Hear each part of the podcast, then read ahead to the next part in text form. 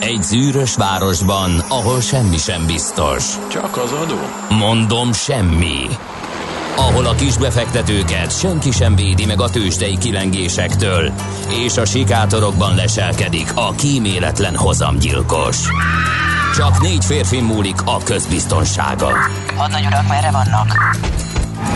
A mindenre elszánt és korrumpálhatatlan alakulat vigyáz a rendre minden reggel. Kik ezek az állati nyomozók? Négy férfi egyeset és egy nyalóka. Ács Gábor, Gede Balázs, Kántor Endre és Mihálovics András. Az íróasztal mögül pedig Profit kapitány diktálja a tempót. Humor, emberi sorsok, közönséges bűnözők és pénz, pénz, pénz. Egy különleges ügyosztály. A Gazdasági Muppet Show minden hétköznap reggel a 90.9 Jazzin. De is figyelj, ne csak a bárányok hallgassanak. De miért? Ha nincs pénzed azért, ha megvan, akkor pedig azért. Millás reggeli. Szólunk és védünk. Szép jó reggelt kívánunk, ez tehát a Millás reggeli, 6 óra 31 perckor ismét itt vagyunk, egészen pontosan és konkrétan Mihálovics András. És egészen egy pont konkrétan Ács Gábor, akit csak a hangjáról ismerek meg, mert én most valamiért képet nem látok, remélem te igen. Ó, tökéletesen, igen, igen, igen, friss Akkor és üde vagy, látom a, a képet, eh, ahogy szép lassan elbúcsúztatotta is az otthoni stúdiódat egy időre.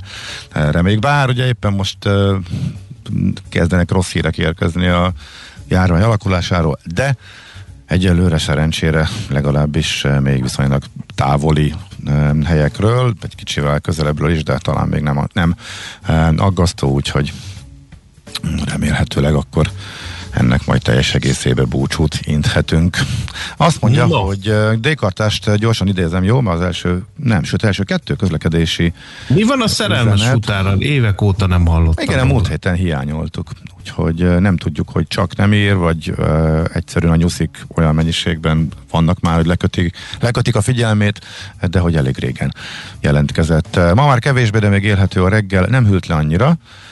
A rutin Bocsánat, Löpapa, ó, bocsánat, nem Dékartás. Dékartás nem írt még. Löpapa jelentkezett abban az időszakban, amikor Dékartás szokott. Szóval ma már kevésbé, de még élhető a reggel, nem hűlt annyira, rutin irreleváns. Éppen még mindig azon morgok, hogy a korányéban egy, azaz egy kátyút csináltak. Meg igen, korábban többször morgott a kátyúkról, és egyszer örömmel jelentette előpapa, hogy kátyúznak, és egyet sikerült ezek szerint megjavítani. Amúgy a klinikák ülői körút Baros Rákóczi két is érdekel. Hát mert ott jó a helyzet. És azt mondja, hogy uh, Anna fotót is küldött. A Gellért Szabadság itt folyékony, mint a higany, és még az Erzsébet is. Köszönjük szépen a friss reggel információkat remélhetőleg. A múlt heti tendencia érvényesül majd Budapest útjain, és a hétfői viszonylag dugós reggel után gyors javulás következik a további napokon, így már ma is. No kérem szépen, azt nem mondtuk el, hogy június 29-e van, 2021-ben természetesen, és a Péter, valamint a Pál nevű ismerőseinket mindenképpen meg kell gratulálni, hiszen nevük napja van ma, és egyébként pedig az aratás kezdete. De az aratás az szerintem most Péter Pálkor biztos nem kezdődik el, és az a vicces, hogy Miért? eddig még azért nem kezdődött el, mert hogy, hogy korábban kezdődött. Eddig melegebb volt az időjárás, és előbb érett a kalászos gabona, előbb kezdődött az aratás, most le van maradva az időjárás. Szerintem legalábbis én a magyar sajtóban sehol nem láttam, hogy elindultak volna a kombájnok, úgyhogy most meg késésben van az időjárás. Hát gondolj bele, hogy egy hónapja még majdnem, hogy fűteni kellett. Ugye? Nem, nem majd, nem majd, nem egészen konkrétan június első vagy második napján. Ha nem tekerem lejjebb a szokásos hőmérsékletet, akkor bezizzent volna a kájha. Igen, az a, én is találkoztam ezzel a jelenséggel. Úgyhogy inkább már a pulcsit vállaltuk, hogy ez már mégiscsak felháborító lett volna valóban. Igen, igen. Szóval hát ezért nem fognak elindulni a kombájnok Péter Pál napján, és a kaszák sem pendülnek, kérem szépen. Egyébként a Duna napja is ma vagyon, a Duna Védelmi Nemzetközi Bizottság kezdeményezésére ünnepeljük öreg folyónkat. Ezen a napon legalább most ne dobáljunk bele semmiféle szemetet, se elektromos rollert, se papírpalackot, se semmit. Kacsázzunk egyet, és nézzük a kacsákat. Ezzel ünnepeljük a Duna napot, meg merítkezzünk meg benne, mert marha meleg lesz ma, azt mondják, hogy hőségriadó van. Úgyhogy így a akarsz átvezetni a Donald kacsa? Ja, jó, oké. Kicsit így meredek. Nem, nem, nem akartam összekötni Don Róza születésnapjával. Azt hittem, ez a cél, igen. Egyébként pedig a meleg büszkeség napja is ma van. A homoszexuálisok, leszbikusok és támogatóik ilyenkor szokták tartani az ehhez kapcsolódó felvonulást. Egyébként a Stonewall lázadásról emlékeznek, amelyik 1969-ben volt. Jó kérdés, hogy mi az a Stonewall lázadás, ugyebár Tegnap hát elmesélte a, Endre kolléga. Elmesélte Endre kolléga? Akkor nem mondom. Június 28-án kora reggeli órákban kezdődött ez a Stonewall lázadás, úgyhogy én most már akkor nem mesélem el, ha a Kántor elvette a pecsenyémet. No, a születésnaposokról emlékezzünk még meg néhány gondolatban. 1900-ban, június 29-én született Antoine de Saint-Exupéry, francia pilóta, író, a Kisherceg című művét, aki nem olvasta, az most olvas el, mert talán könnyebb kiheverni azt a mély depressziót, amit okoz ez a kis írás. Uh, ahhoz képest, hogy sokan mesekönyvként uh, Mm, apostrofák, ahhoz képest elég komoly műről van szó, és hát még egyszer mondom, elég mély érzelmeket vált ki az emberből, ahhoz képest, hogy nem egy vastag mű, tehát viszonylag könnyen le lehet tudni, és hát nem is nagyon bonyolult a, a, a könyv, ami, meg az így a szövegfű és történetfűzése sem. Aztán 1932-ben Dein Pál, Kossuth Díjas magyar festőművésze, nemzetművésze született június 29-én, és ahogy említettem, Don Róza, a ma élő legnagyobb Donald Kacsa rajzoló is ma született 1951-ben. Donald Kacsánál egy csomó mindent nem értek, például az, hogy egy szál ugye pólóban van, vagy ilyen tengerész ingben helyesebben, meg sapkában, és úgy járkál alul semmibe. Nyilván ezt most sokan csinálják ezekben a meleg napokban. Ugyanezt, ezt hívják ugye Donald kacsázásnak, de nem ezért hoztam szóba ezt az egészet, hanem hogy miért van az, hogyha Donald kacsáról valamilyen úton, módon lekerül ez a tengerész ing, akkor hirtelen szégyelőssé válik, és hol takarja magát? Lent. Ott, ahol egyébként minden látszik egész pályafutása alatt. Ezt megfigyelted?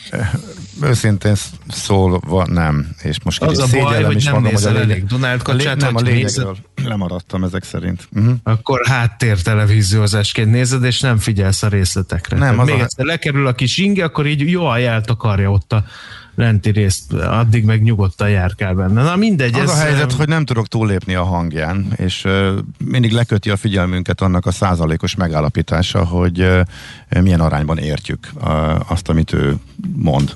Tehát az, az odáig oké, okay, hogy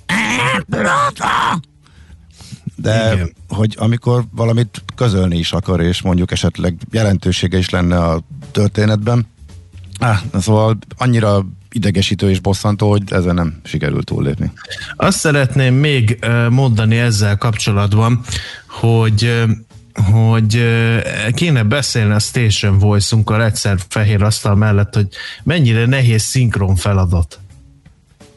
Ez. Egyrészt egy fordítóval, hogy hogy tudja ezeket a valószínűleg angolul hasonló stílusban előadott mondatokat bárki lefordítani, majd utána, amikor oda áll a szinkron rendezel, és azt mondja neki, hogy művészkém, akkor Donald Kacsa tessék, akkor azt, ezt, ezt elképzelni sem tudom, hogy hogy tud valaki így a semmiből felpörögni annyira, hogy Donald Kacsául elkezdjen tudni beszélni, de hát ezért nagy művészek a szinkron színészek. No, 1966-os évjáratú Pál Ferenc katolikus pap, mindenki Feri atyája, úgyhogy uh-huh. még róla feltétlenül meg kellett emlékeznünk. Képzeld el, Felgábor küldött egy fotót, illetve kettőt, és ez tényleg tök jó pofa. A Balaton Szárszon fotóztam ezt a két képet, egy pergola, a neve Vers utca, és tényleg ott a, egy nagyon vékony ösvény fölött van ez a pergola, és nyilván nem véd, csak eh, árnyékol, mármint az eső ellen, és eh, van benne egy ketyere, ezt most idézem, amin, ha megnyomod az egyik gombot, a kiválasztott verset lejátsz a felvételről, van egy kis pad, ahol le lehet hűlni, verseket meghallgatni. Nagyon jó. nagyon jó, hogyha valaki arra, arra jár, akkor érdemes pár percet, vagy akár kicsit hosszabb időt is eltölteni. Azt majd írd meg, hogy hány vers, vagy hogyan, de ez nagyon jó pofa. Hasonló kezdeményezés ugye van uh, Remete szőlősön is. Igen? Elszökött telefonfülke nincs meg? Nincs, nincs, nincs. Na mesélj el.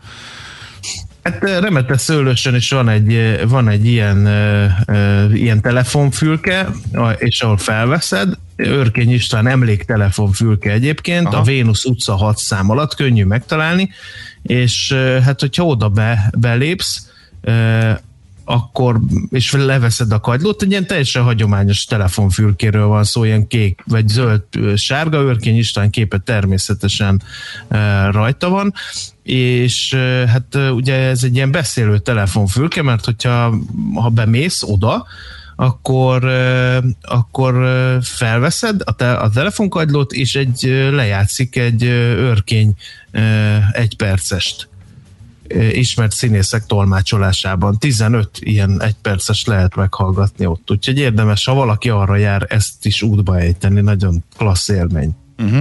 Azt mondja, hogy még egy üzenet érkezett, hát úgy látszik sürgősek Gregnek, de hát állandó uh, SMS uh, írónk, illetve kérdezőnk, illetve mondhatom, hogy kritikusunk, aminek nagyon örülünk. Uh, azt nem értem, hogy miért hogy ácsúrtól kérdezni, amíg ilyen megbocsátó. Ma reggel nem tudom, mert mivel adtam erre okot, vagy mit mondtam, de mit tudna tanácsolni, érdemes szeptemberben Marokkóba utazni, hogy idén még nem. Én meg nem tudom mondani, hogy mi lesz szeptemberben, úgyhogy, úgyhogy az egyetlen, ami biztos, hogy lesz idén is szeptember, de hogy akkor hogyan tudunk utazni, arra szerintem senki nem benne semmit sem mondani, úgyhogy jelen állás szerint a, a helyzet jó, de éppen már több periférián romlik. Marokkóban szeptemberben nekem kicsit tú- túl meleg van, én novemberben voltam, de például kevesebb járat is van, mert van egy csomó, amelyik mondjuk télen indul csak be, például Bécsből, Magyarországon nehéz is eljutni átszállással, de amúgy meg érdemes menni. Ennél többet nem tudok kicsiholni. Minden sajnos ilyen nagyjából last minute, vagy elindulunk, vagy nem alapon kell szervezni továbbra is, de amúgy jó úti cél, nekem nagyon tetszett. Úgyhogy ennyit tudok erre mondani, aztán majd eldugulok, legalábbis majd a délutáni, vagy az esti okos utas magazinig, azt már majd itt a millásban, meg pénteken folytatjuk legfeljebb ezt a témát. Na, kirándulhatunk egyet vásárhelyre? Hát kiránduljunk, Jó, hogyha ez- feltétlen ragaszkodsz hozzá. Igen, igen, igen, hát már is indult a zene, úgyhogy akkor hallgassuk tovább. Folytatódik a millás reggeli, nézzük, mit írnak a lapok, illetve mi, mi miket olvastunk az elmúlt órákban, illetve esetleg még tegnap délután. Világgazdaság, erőteljes gazdasági növekedést várnak az elemzők, ez a vezéranyaga a, a lapnak. A legoptimistább Szuppán Gergely Takarékbank vezető elemzője, ő 7,7%-os növekedést vár. A prognózis azonban 5,5 százalék felett van idén. Ez szerint a jövő év elején a kormány arról dönthet, hogy visszatéríti a személyi jövedelemadót a gyerekek család, gyerekes családoknak jut következtetésre a lap. Aztán egy nagyon érdekes cikk arról, hogy megérte szembe menni az ESG mániával. Töretlenül emelkedik a szén jegyzésára. Sok bányavállalat azonban az enge, enged az ESG nyomásnak, és kiszáll az üzletből, aki marad, azt meg kaszál. Ilyen a Glencore nevű óriás vállalat is, aminek kapóra jött, hogy projektársa igyekeznek kifarolni a szénbányászatból, a partnerek tegnap bejelentett kivásárlása így két év alatt megtérülhet.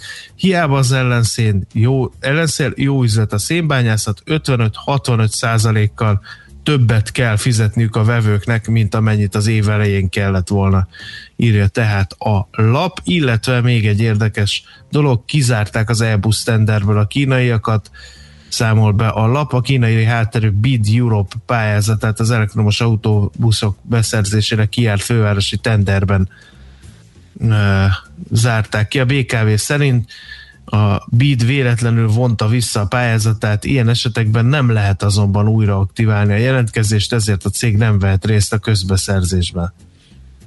Mm, A Telex utána ment ennek a még legelő problémának, tegnap volt szó róla, hogy Lekasszálták. lekaszálták, de hát nagyon úgy tűnik, hogy ez egyszerű politikai figyelemfelhívás volt, mert hogy amikor fölmerült, illetve egészen konkrétan megkérdeztek mindenkit, hát akik csinálták a budapesti fidelitásosok, ők nem reagáltak, viszont miután kiderült, hogy pontosan ugyanilyen módszerrel Székesfehérvár is él, és a szakértők által támogatott mélegelő módszerrel tesznek a környezetért, illetve biztosítanak élőhelyet állatoknak, illetve a beporzás segítő, stb. stb. hogy ez tegnap is elhangzott. Tehát a cikkből kiderül, hogy hosszasan, még a Székesfehérvári Fideszes polgármester is hosszasan elemzi, hogy ez mennyire jó dolog,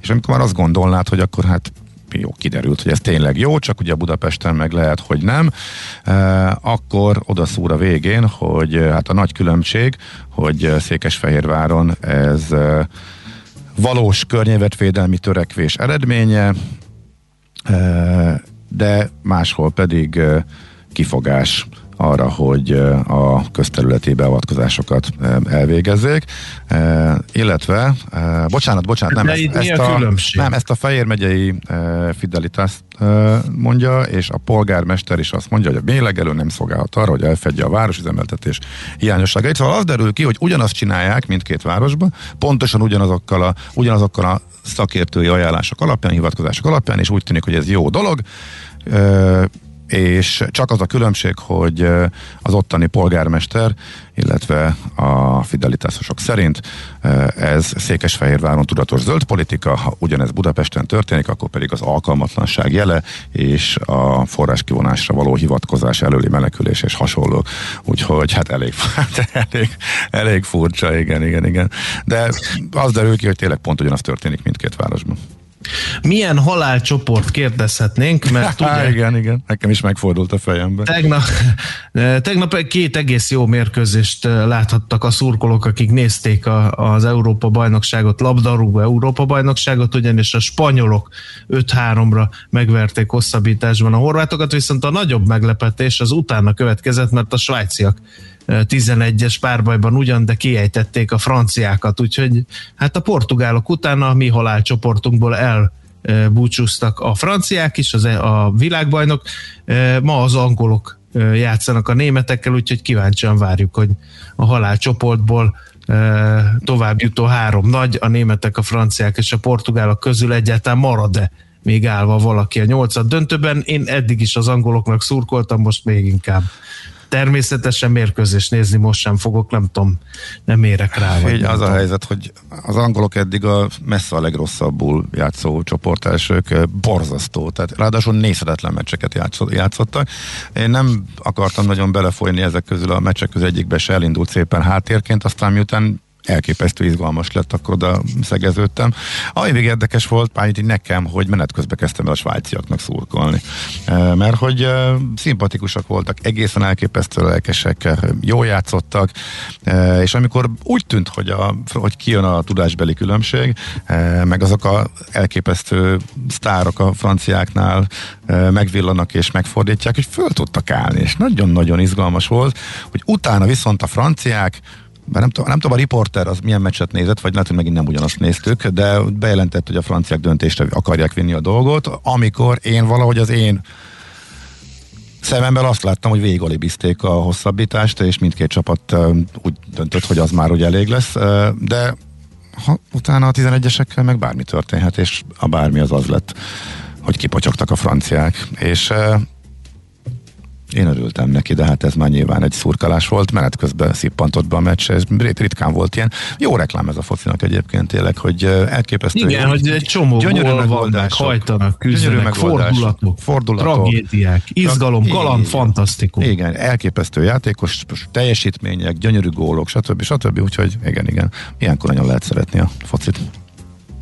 Még egy dolgot ide bigyeztek csak gyorsan, a BBC-nek van egy sztár, mondhatni sztár műsorvezetője, Andrew Marr, aki eltűnt a képernyőről néhány hétre, aztán most úgy tért vissza, hogy uh, interjút készített a Covid-ról, illetve az újrafertőződés lehetőségéről, illetve az oltottaknak a fertőződéséről, mert kiderült, hogy ővel is ez történt, és utána a BBC.com-ra megírta az ő saját történetét, és tényleg tök érdekes, hogy ő az a kategória, aki aztán keményen megkapta, rosszul is volt, viszont a nagyon minimális kórházba kerülési arányt, mert hogy dupla Pfizer-t kapott már több hónappal ezelőtt, tehát abszolút védetnek volt tekinthető, hogy rajta simán elkapta, és rajta hogy ment át a delta variáns, ezt írta meg, és az vezette félre, hogy két napig teljesen egyszerű ilyen nyári nátha tüneteket produkált, mire elkezdett bedurranni, és azt írja, hogy ha nem fiatla, fiatal és még oltást nem kapott kollégákkal dolgozott volna a vasárnapi műsorán, akkor valószínűleg végzi is tovább a munkáját, mint ahogy minden kis megfázás esetén. Ezért volt benne egy kis vészcsengő, hogy elmenjen teszteltetni, és amikor a tesztet megcsináltatta, utána egy fél nappal dőlt ki, tehát kb. végfertőzhette volna ott a teljes társaságot, hogyha akkor bemegy dolgozni. Szóval ez csak egy kis figyelemfelhívás, hogy ilyen van. Mert azt mondtad, hogy kidőlt, de mennyire? Annyira, Arról. hogy volt neki még a klasszikus íz- és szaglásvesztés, nem tud fölkelni az ágyból, azt mondta, hogy nála a legsúlyosabb tünet az, hogy még a hírek se érdekelték, csak fetrengett az ágyban, és hullámokban néhány napon keresztül ez ment, utána pedig amilyen gyorsan jött, úgy is múlt el.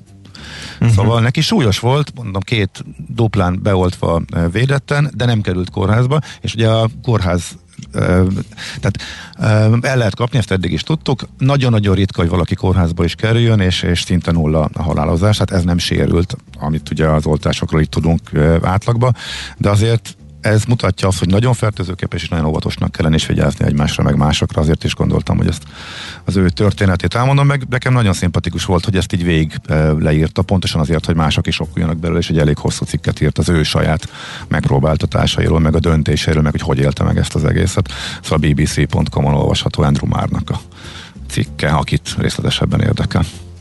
Uha, de közben ránézek az órára, azt mondja, hogy most egy gyors döntést kell hozni. Hozzad meg! Jó, ig- hát ezt nem ugornám át. Jöjjön egy kis trónok harca, és akkor utána a tőzsde. Hol zárt? Hol nyit? Mi a sztori? Mit mutat a csárt? Piacok, árfolyamok, forgalom a világ vezető parketjein és Budapesten. Tőzsdei helyzetkép következik. 33 százalékos bukszesés volt, 48.301 pontig, főképp az OTP húzta a mélybe az indexet, amely másfél százalékkal 16.500 forintig csúszott vissza, de a Richter megtartotta meg a másik három blue chip, főképp a Richter, amely erősödni tudott 1,3 kal 8025 forintig. Hát ehhez képest a molnak a gyötrődése amely 8 század százalékos volt, két forintot tudott erősödni, 2400 forintig, az smafu, és a Telekom 1 forintos 0,24 század százalékos erősödése is ebbe a kategóriába tartozik, 425 forintos záróára, de szerencsére itt van nekünk egy Masterplast is, amely a Telekomot jóval-jóval több mint tízszer meghaladó forgalomban is tudott újabb három és fél százalékot rápakolni az eddigi teljesítményére, úgyhogy ez igazán megsüvegelendő, és hát nem ilyen nagy forgalomban, mint a vezető papírok, de a Nutex is tudott majdnem 3%-ot felfelé menni, de ott pár milliós forgalom volt csak, de ezt elmondjuk, mert időnként megszólnak bennünket, hogy nem mondunk a kisebb papírokról semmit sem. Hm. Úgyhogy átpasszolnám a lehetőséget neked, Gábor, a külföldi folyamatok ismertetése céljából ez vala. Ez tök érdekes, hogy a járvány adatok, vagy a járványhelyzet az a tőzsdére, hogy furakodik be, és ez már a sokadik alkalom, amikor van egy romlás, de a piacokon semmi se látszik, aztán jön egy hír, ami valahogy nagy publicitást kap, és eljut a befektetőknek a, befektetőknek a tudatáig. A Pentagon UFO észleléseire célzol? Természetesen igen, vagy nem. Mert hogy a utazásos részvényeket verték tegnap, és ez vitte le egész Európát, és egy jó nagy, eme, jó nagy esés bontakozott ki, és hogy mennyire London orientált az egész, hogyha ez bárhol máshol történik, akkor nincs ilyen legalábbis. Ez már sokat szor fordul elő. Most a spanyolok karantént vezettek be a brit turistákkal szemben, illetve hát visszaállították a korábbi korlátozásokat, e, meglepően későn, mert ugye sokkal tisztább országokkal szemben megvoltak ezek, e, de most, hogy e, az Egyesült Királysággal szembe jött ilyen, meg a portugálok részéről is. Jó, erre még az is rájött, hogy Angela Merkel egy európai szintű védekezést akar a delta variánssal szembe. Tehát ez a járványhelyzet, illetve a deltától való félelem most gyűrözött át a befektetői agyakig. Tegnap volt ez elég látványos. Komoly, komoly, tehát ilyen 4-5-600-7 százalékos esésekbe taszították. Hogyha már időnként a 2 százalékot is zuhanásnak hívják a az online sajtóba, akkor ezt nem tudom, minek nevezzem, és az egész piacot magával húzta, úgyhogy ez volt az európai, Amerika pedig szokás szerint magasról tett az egészre, és elindult fölfel, hogy ez lenni szokott, és ez Európát is visszarántotta a vége felé, tehát nem lettek olyan súlyosak a e, veszteségek, bár pont egy beladás ott is volt az európai zárás környékén, úgyhogy ez alapján talán egy kicsit lehet majd fölfelé menni, szóval Európában az utazási részvények voltak ismét a nagyon alul teljesítők, ők vezették lefele a mutatókat. Amerikában pedig az volt igazából az érdekesség, hogy például a Facebook úgy emelkedett 4%-ot, ezzel elérte az 1000 milliárd dolláros piaci értéket. 1000 milliárd dollár a Facebook. Az Nvidia-t is húzták több mint 5%-kal, az pedig majdnem elérte az 500 milliárd dolláros eh, kapitalizációt, eh, tehát fele akkora pontosan, legalábbis a piac értékítélete szerint fele annyit ér, de hát ezek egészen elképesztő számok, tehát a Facebook és az Nvidia. A Dow Jones egyedüliként az indexek közül esett, és az idei teljesítményt illetően helyet cserélt, illetve a Nasdaq Jön föl, mint a talajvíz, megelőzte a Dow Jones-t. Most már idén csak 12%-ot izmosodott a Dow Jones, és a Nasdaq, amelyik súlyosan alul teljesítő volt idén, és folyamatosan a rotációról beszéltünk, hogy a technológia mennyire lemaradt az előző éveknek a nagy e, nyertese. Most már index szinten jobban áll a Dow Jones-nál, és vadul közelíti az S&P-t, amely egyébként szintén emelkedett, csak kisebbet, e, mint a Nasdaq. 2 az S&P-ben, és majdnem egy teljes százalék a Nasdaq-ben, tehát kimondottan a növekedési részvények szerepeltek jól, és a félvezetők alindexe több mint két és fél százalékot emelkedett.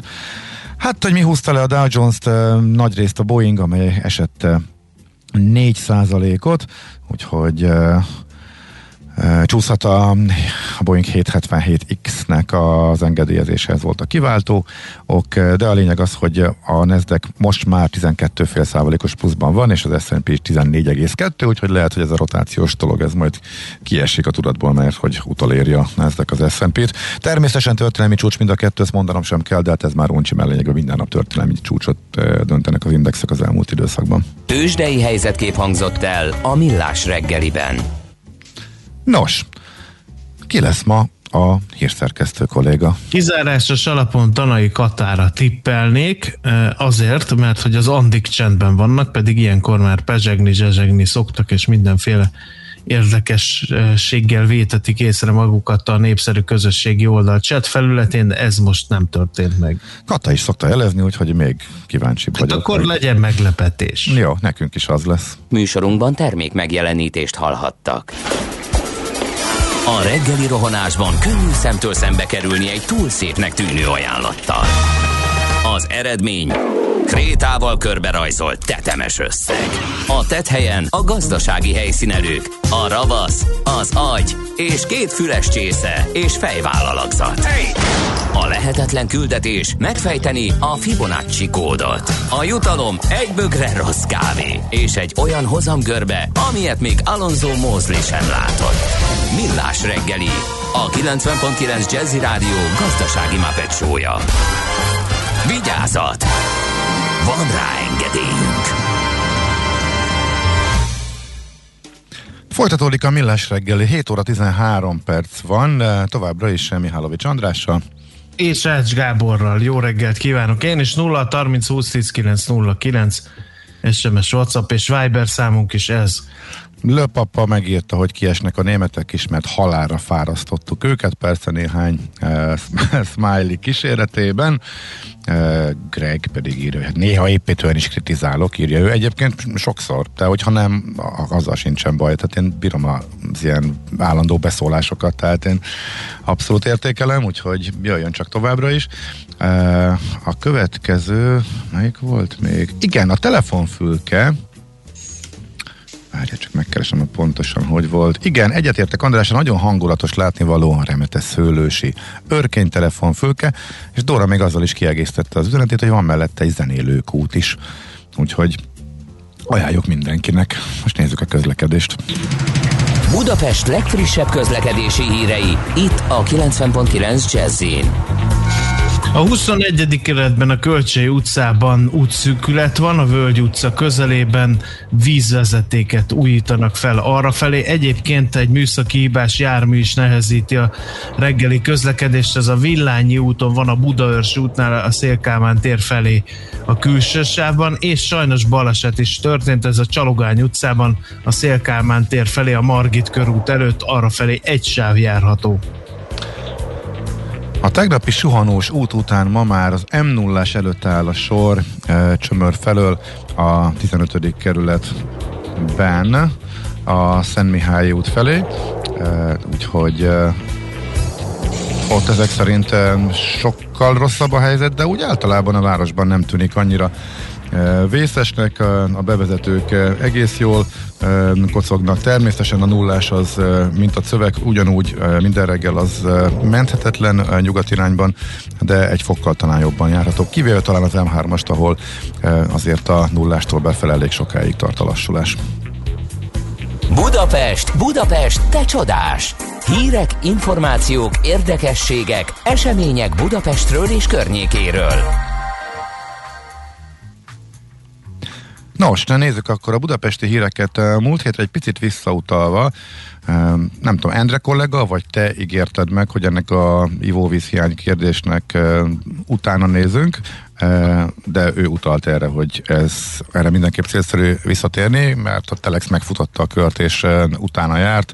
Helyszíni riportot is készítettek Pécelen, ahol a legnagyobb a e, probléma, de hát végül is, e, ha úgy veszik, nagyon egyszerű a megoldás. Egyszerűen kevés a víz, és e, amikor a duplájára nő a, az igény, a Kínálati oldalon viszont fönnakadások vannak, mert kutak is kiestek bizonyos okok miatt, például a villámcsapás miatt is, akkor előfordul, hogy kisebb a nyomás és valahova már nem jut víz, ezért is fontos, hogy ilyenkor spóroljunk.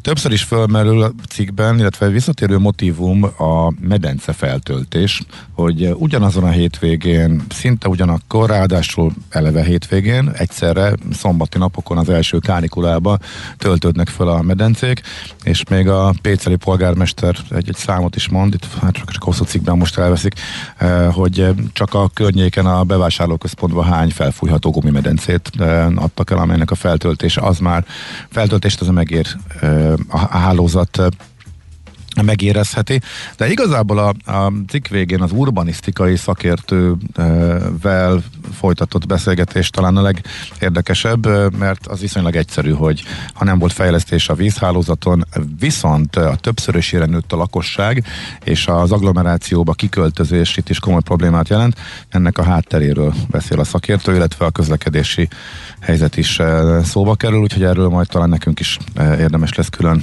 beszélni, mert számos problémát okoz. A múlt héten itt a műsorban is szó volt arról, hogy nincs megoldás arra, hogy csökkentsük a dugókat a város felé, mert hogy egész egyszerűen a kiköltözés annyira szigorú.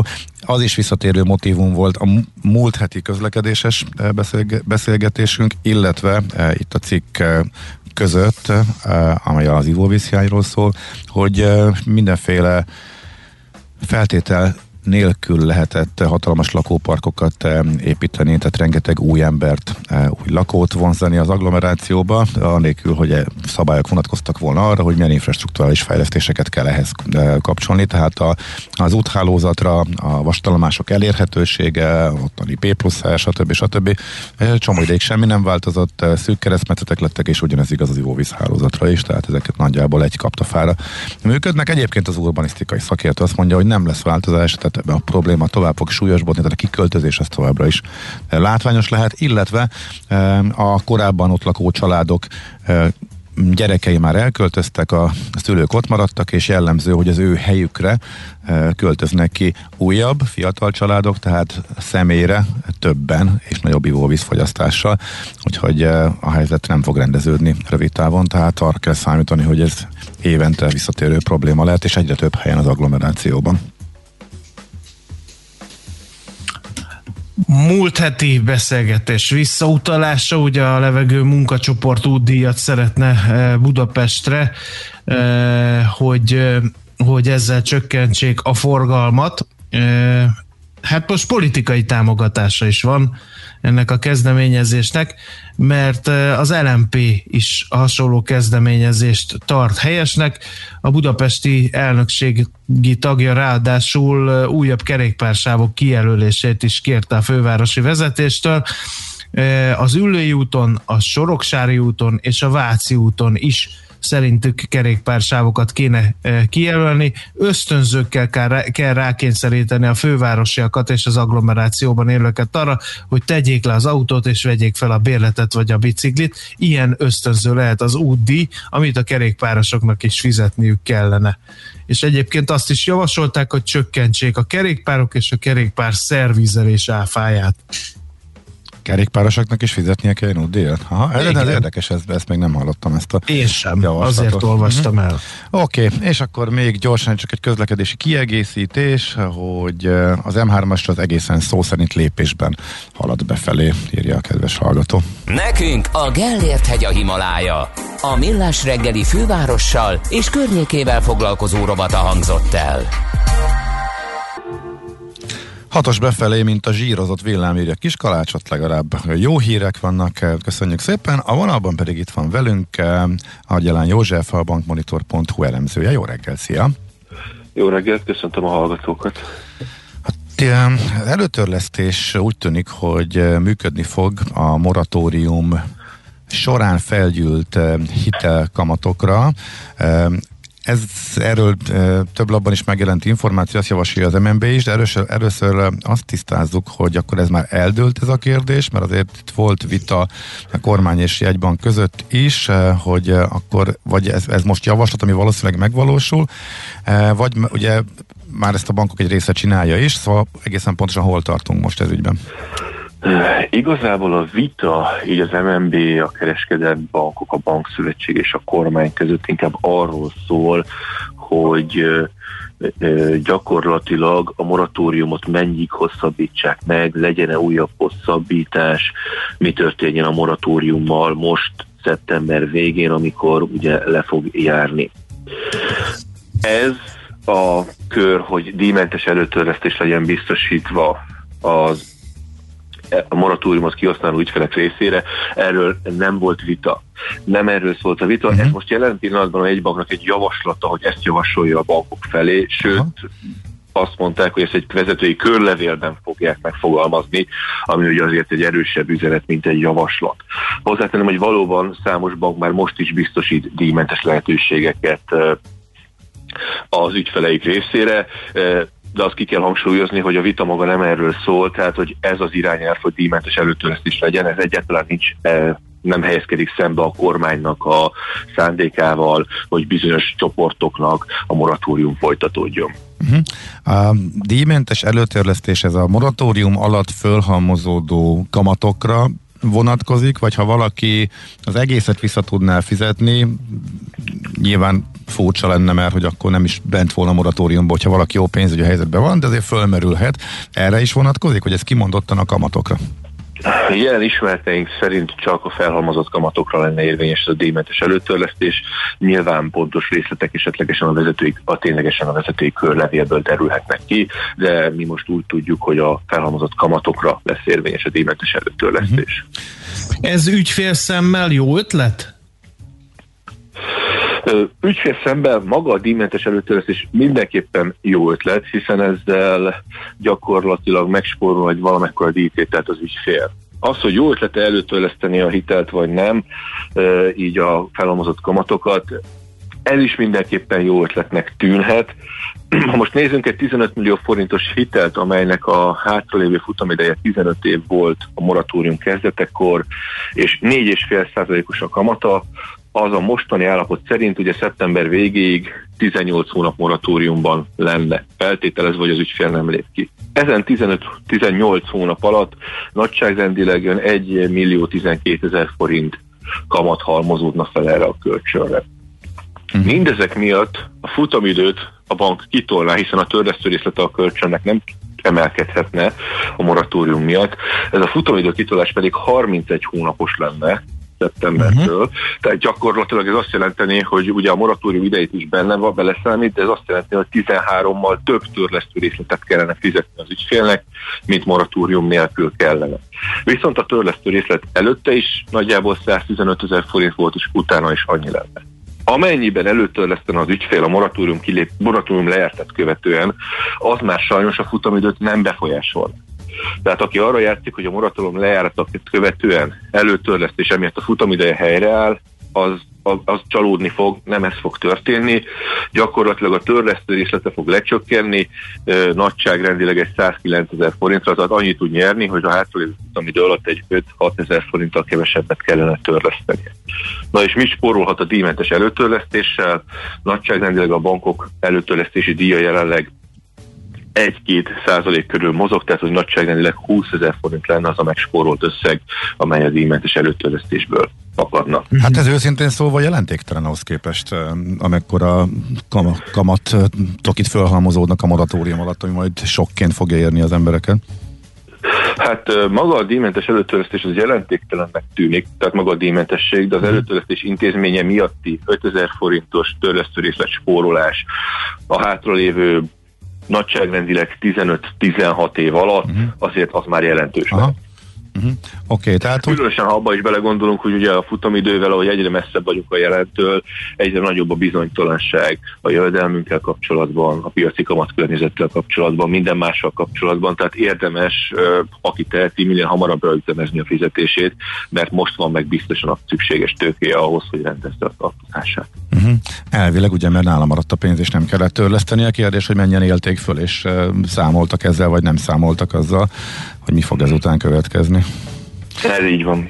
Uh-huh. Jó, akkor mi lesz itt a menetrend? Eljön a szeptember, és um, akkor lesz um, erre valószínűleg um, kampány, és akkor kell majd uh, dönteniük a hiteleseknek, hogy élnek ezzel a lehetőséggel? Igen, valószínűleg igen, sőt a jegybank egyébként nem azt kommunikálta, hogy díjmentes előtörlesztés biztosít a moratórium lejártát követően, hanem díjmentes előtörlesztés biztosít mostantól a felhalmozott kamatra. Uh-huh. Tehát effektíve ez azt is jelentheti akár, hogy mondjuk a jövő hónapban valaki bemegy a bankba, és azt mondja, hogy a felhalmozott kamatát díjmentesen elő szeretné törleszteni. Akár ez is elképzelhető, hogy a körlevél így fog fogalmazni, erre is lehet, hogy lesz lehetőség. Fontos azonban kihangsúlyozni, hogy ez nem jelenti feltétlenül azt, hogy a teljes futamidő kitolás nem lesz érvényes a hitelére, ugyanis a moratórium kétfázisú volt, és ugye a decemberi lejárat miatt már a futamidő mindenképpen növekedni fog, akkor is, hogyha most per pillanat kifizeti a teljes felhalmozott tartozást még a moratórium alatt az adós. Uh-huh. Oké, okay, hát innentől kezdve lehet, hogy érdemes megvárni ezt a két hónapot, eh, ugyanis a pontos... eh, Vannak olyan várakozások is, hogy ez még kevés kedvezmény és újabbak eh, jöhetnek. Nem tudom erről mennyit hallottál, vagy hogy erre mi lehet ez Könnyen egyáltalán? elképzelhető. Még egy kedvezmény mindenképpen bejelentett a jegybank, az ugye a futamidő gyakorlatilag módosítása, amelynek keretében visszaállna az eredeti lejárata a kölcsönnek. Uh-huh. Ennek ugye két hatása lenne. Megemelkedik a Az egyik törlesztő. az- Egyik az, hogy megemelkedne a törlesztő nem is kismértékben. Uh-huh. Abban a példában, amit korábban mondtunk, tehát 15 millió forint 15 éves hátralévő futamidő a moratórium kezdetén. Ebben a példában 115 ezer forintról 130 ezer forintra emelkedne a törlesztő részlet, azért ez nem kis növekedés. Uh-huh. Ennek ez- azonban tehát- van egy pozitív hatása is, ugye a teljes visszafizetendő összeg lecsökkenne, hiszen kevesebb részletet fizetek meg összességében, és ugye nem is csak az, hogy annyit fizetek meg, mint eredetileg fizettem volna, hiszen az eredeti lejárat visszaállítása azt jelenti, hogy a moratórium idejével csökkennek a részletek száma, tehát 180 részlet helyett nekem csak 162 részletet kell megfizetnem. Ez viszont azt eredményezni, hogy a teljes visszafizetendő összegben nagyságrendileg 1 millió forintot nyernének azok az adósok, akik élnének a futamidő visszarendezésével. Igen, ám, de egy jelentősen megnövekedett törlesztő részlet cserébe. Uh-huh. Oké. Okay. No, akkor váltsunk egy témát, gondolom, mert egy másik fontos jelenségre is szeretnénk felhívni a figyelmet, ez pedig az, hogy elindult a kamatemelési ciklus. Ez hogyan fog hatni az új hitelfelvevőkre, és hát érdekesen hathat az infláció is, tehát hogy egy kicsit a hitelpiaci kilátásokat boncolgassuk a következő percekben. E, így van, a jegybank június 22-ével megemelt az a jegybanki alapkamatot 0,6-ról 0,9%-ra. Sokan gondolhatnak, hogy ez a 0,9 az gyakorlatilag a járványhelyzet előtti mérték, tehát nem történt semmi más, csak a járványhelyzet elmúltával a jegybank visszaállította az alapkamatot. A helyzet azonban teljesen más. Jelenleg az MNB egy kamatemelési ciklust jelentett be, azt mondták, hogy addig fogják az alapkamatot tovább emelni, ameddig az infláció vissza nem tér a kívánatos szintre. Tehát könnyen elképzelhető, hogy az elkövetkező hónapokban eseti döntések alapján tovább emelik az alapkamatot. De miért is fontos egy hitelfelvételnél az alapkamat? Azért, mert ugye ez egy iránymutatás a banki piac bank számára. Ez, ha az iránymutató kamatláb megemelkedik, akkor bizony egy idő után vele fognak emelkedni a megtakarítások, és bizony a hitelek kamatai is. A szerencsére a jelenlegi hiteligénylők, a jelenlegi lakásvásárlók, főleg hosszú kamatperiódusú, hosszú ideig fix kamatozású hiteleket választanak. Ezekre az alapkamatemelésnek a hatása e, tompítottan és csak késleltetve fog jelentkezni, tehát nem automatikus lesz az, hogy holnaptól beépül ez a 0,3%-os emelés, viszont várhatóan hosszabb távon, beszélünk itt negyedév, éves időtávon, bizony be fog épülni ez a kamatemelés. És ha még további két-három hasonló lépésre számít, számítanánk, már pedig ez könnyen elképzelhető, akkor ezek a hitelkamatok nem 0,3, hanem inkább 0,6, sőt, akár egy százalékkal is megemelkedhetnek, ami azért már mondjuk úgy, hogy érdemben befolyásolhatja a hitelpiacot is. Uh-huh. Oké. Okay. Nagyon szépen köszönjük az összefoglalót, jobban értjük a háttereket, szép napot, jó munkát kívánunk! Én köszönöm, viszont hasznosan. Ágyelen Józseffel, a bankmonitor.hu elemzőjével beszélgettünk arról, hogy az infláció, illetve a kamatemelés hogyan módosítja a hitelkamatokat, illetve hogy a törlesztési moratórium vége felé milyen lehetőségei vannak. Most, hogy több apró kedvezmény is fölmerült, hogy ne legyen teljes sok azoknak, akik a moratóriumban vannak, amikor észreveszik, hogy mennyivel többet kell visszafizetniük annak fejében, hogy az elmúlt másfél évben nem kellett törleszteniük. Nos, Uh, volt még egy közlekedési info, de természetesen azt nem találom, úgyhogy majd a hírek alatt megkeresem, és akkor jól elmondom. Uh, utána most tehát a rövid hírek jönnek. Műsorunkban termék megjelenítést hallhattak. Folytatódik a millás reggeli, és egy hallgató azt kérdezi, hogy eh, tudunk-e valamit arról, hogy mi folyik a Margit híd környékén, miért áll be teljesen Buda irányába. Már a Szent István körút, illetve a Margit híd is teljesen csak eh, lépésben. Az okát nem tudjuk, ha valakinek van erről is plusz információja, megköszönjük, hogyha megírja nekünk a 0630 20 10 909-es elérhetőségeink valamelyikén.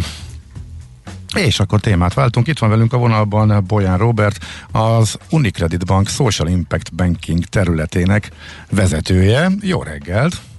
Jó reggelt kívánok, jó reggelt a hallgatóknak! Egy ország kérdezze, hogy mi a social impact banking, de hát uh, ígérem, eláruljuk, csak egy kicsit messzebbről kell uh, indulnunk, mert hogy kérem szépen uh, üzleti fenntarthatóságról indul majd egy podcast sorozat az Unicredit Bank jó voltából, az Unicredit Banknál, uh, és hát szerint személyem is uh, nagy büszkeséggel tölt el, hogy segítkezhetett ennek a létrehozásában. Miért döntöttetek hogy pont erről a témáról és pont podcastet indítotok?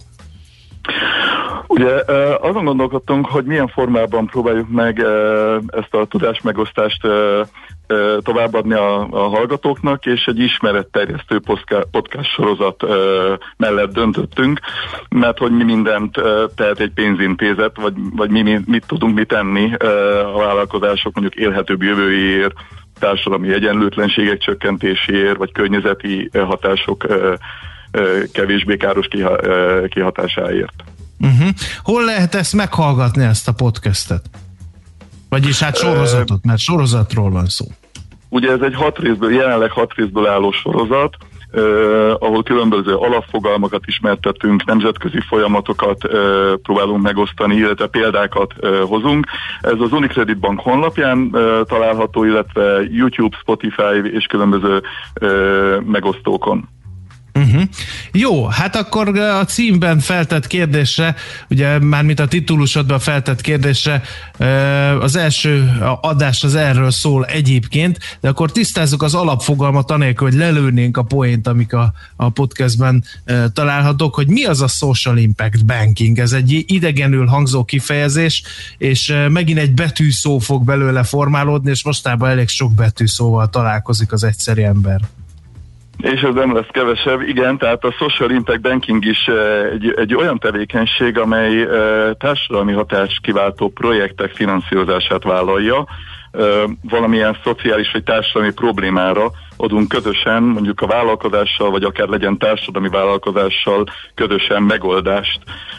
De a social impact banking ennél szélesebb, mint finanszírozás, hiszen feladatunk és hitvallásunk az is, hogy a pénzügyi képzésekre is uh-huh.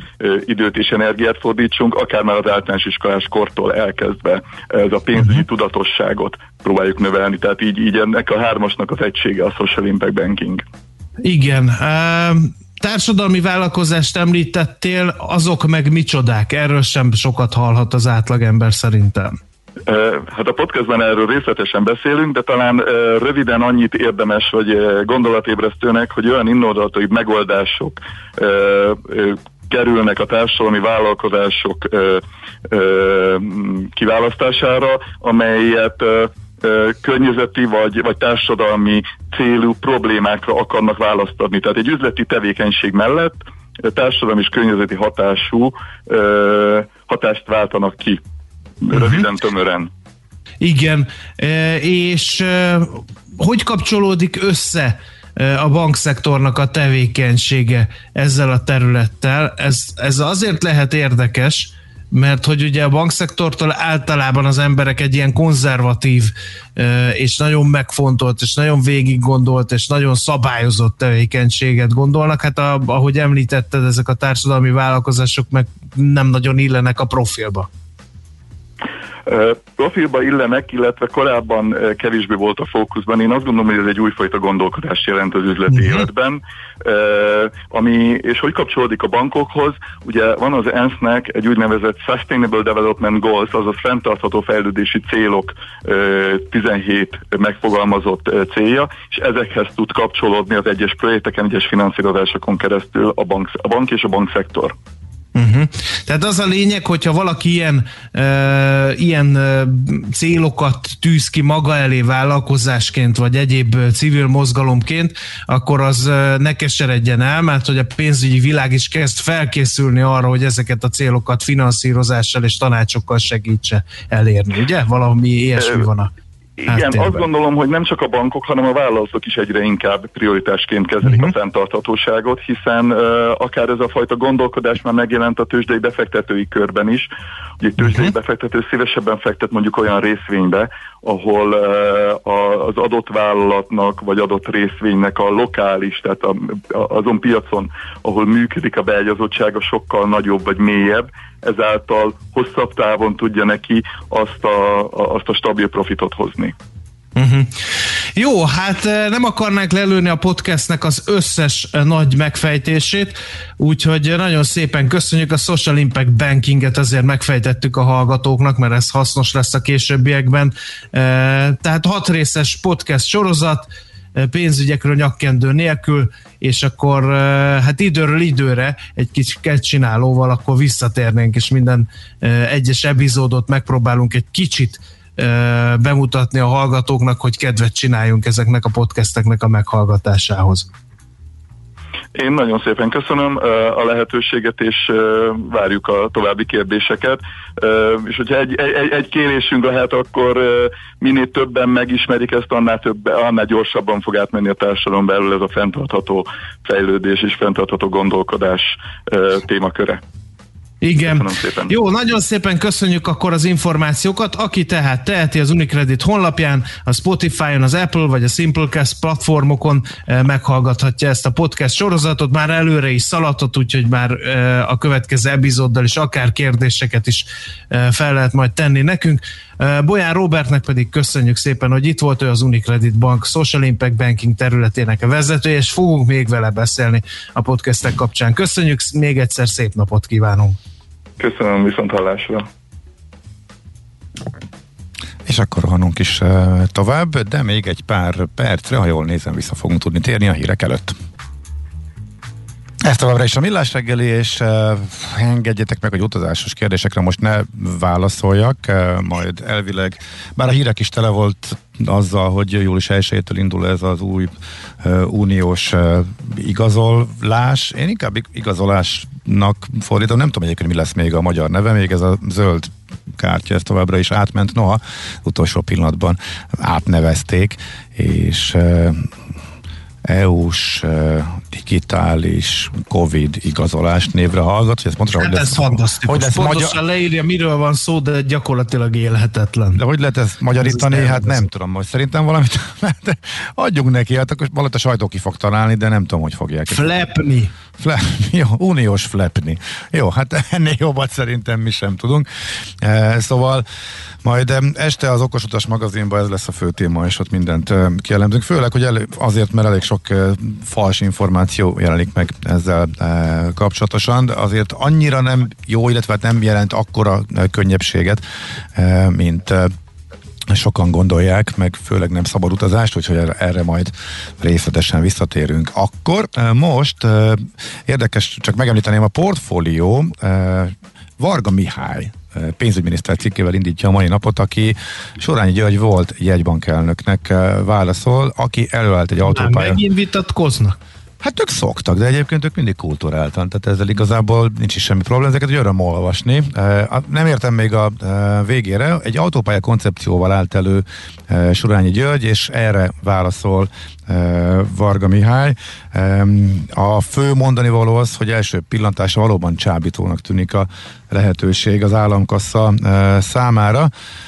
Viszont közelebbről megvizsgálva a pénzügyminiszter arra jutott, hogy a szerző kockávatos alapokra építi a koncepcióját, amely egyébként, hogy nagyon leegyszerűsítve arról szól, hogy egy százszázalékban állami tulajdonú vállalat részére kellene az autópályák egy részét apportként átadni az államnak, és a felmaradó részt hitelből vásárolhatná meg a, a cég, és az így befolyó bevételből mintegy 2000 milliárd forint adósságot tudna törleszteni és a mindenkori folyóhiány is fél százalék ponttal lehetne kisebb a kamat és fenntartási költségek csökkenése miatt, tehát erre válaszolt Varga Mihály, de ami talán még érdekesebb az a mostani egybankelnök, Matolcsi, Matolcsi György tegnapi írása, amely a Magyar Nemzetben jelent meg, és hát úgy tűnik, hogy azért ahogy hallom, sokan beszélnek róla, de hogy kevesen nyilvánosan. Egész egyszerűen azt mondta, hogy ha itt hatalomváltás lesz, de nem is az a lényeg, hogy most a politikai háttér, hogy akkor a gaz ellenzék bevezeti az eurót, és azzal lényegében romlásba dönti az országot, és mindennek vége, minden jónak, ami történt, az euró bevezetés véget vet. Az euró bevezetésről szóló vita az régóta tart Magyarországon, hol fölélénkül, hol kevesebbet hallunk róla, és ez azért mindenképpen túlzott leegyszerűsítés, hogy aki nem az ő oldalukon van, az vadul mindenképpen és ész nélkül és azonnal eurót szeretne. Erről azért bőven eltér a közgazdászoknak a véleménye, még azoké is, még, még ha egyáltalán a közgazdások, közgazdászokat, bár én nem szeretem, be is lehet sorolni valamelyik irány alá. Úgyhogy erről tényleg tök érdekes lehetne komolyabb vitákat látni. Minden esetre egy pár érv azért az egyértelműen sántít a jegybankelnök mondandójából, tehát az, hogy az eddigi tapasztalatokat úgy általánosítja, hogy ez így kőkemény bukta mindenhol, aki bevezette, ez így ebben a formában nem igaz. Volt, ahol túl gyorsan vezették be, volt, ahol visszaesést okozt. Ez egy sokkal átfogóbb és komplexebb kérdés, mint hogy ezt ennyire le lehetne egyszerűsíteni. Na mindegy, erről még biztos sokat fogunk hallani. Az biztos, hogy jól fölkavarta az állóvizet Matolcsi György ezzel a kijelentésével, illetve véleményével, majd ide a műsorba is. Időről ez időre mindig feljön ez a vita, megpasszírozzák egymás érveit a közgazdászok, aztán arra jutnak, hogy jó ez így nekünk, ahogy van. Nem, ez egy nagyon fontos kérdés, és talán talán a többség azt mondja, hogy bizonyos feltételekkel, és talán később valószínűleg az ország jól járhat vele, de ez egyáltalán nem biztos, főleg az elmúlt tíz hát évnek nézzük a meg ugye a szlovákokat például ők azért. Hát rájuk hivatkozott elsősorban. Igen.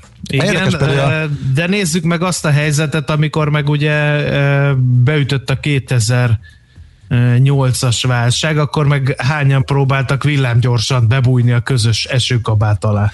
Hát igen. Ez... Itt az euró jelzett, ugye akkor meg elkezdődött a vita, hogy majd ez meg fog halni, emlékszel? Hosszas Hogyne, hónapokon persze. keresztül mondták, hogy vége az eurónak, vége az eurónak, vége az eurónak, még sincs vége az eurónak, úgyhogy elég érdekes ez az egész történet.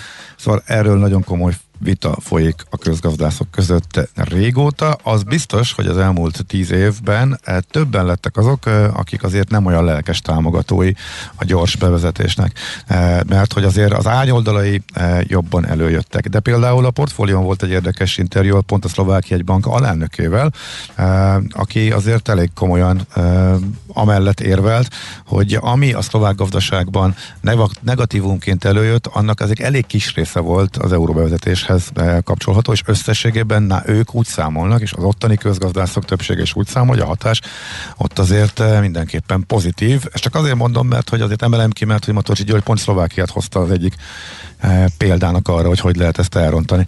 Na, úgyhogy érdekes kérdés, úgyhogy biztos sokat hallunk még róla. Igen. Nem könnyen eldönthető, az, az, az biztos. Ez egy komoly szakmai kérdés, amit ha szokás szerint átpolitizálódik, akkor az sose jó. Az okos utas kezdcsináló többször elhangzott már a mai műsorban, úgyhogy én is csinálnék egy kezdcsinálót. Bizony, 9 óra magasságában mesél a múlt rovatunkban a síksági indiánok legnagyobb győzelméről, a Little Big Horni csatáról fog beszélni Katona Csaba, az egyetlen történész, aki látott engem ágyék kendőben, úgyhogy érdemes lesz akkor is velünk maradni. De ez honnan nem... jött? Hát ezt te kivesézted a múlt héten. Hát onnan, mert történész szemmel nagyon sok minden van ebben. Máshogy néz ki, vagy? De. Mm-hmm. Jó, oké. Okay. Ez lesz tehát a mesél a múltban 9 óra után néhány perccel. Most viszont akkor Danai Kata és a hírek jönnek. Műsorunkban termék megjelenítést hallhattak.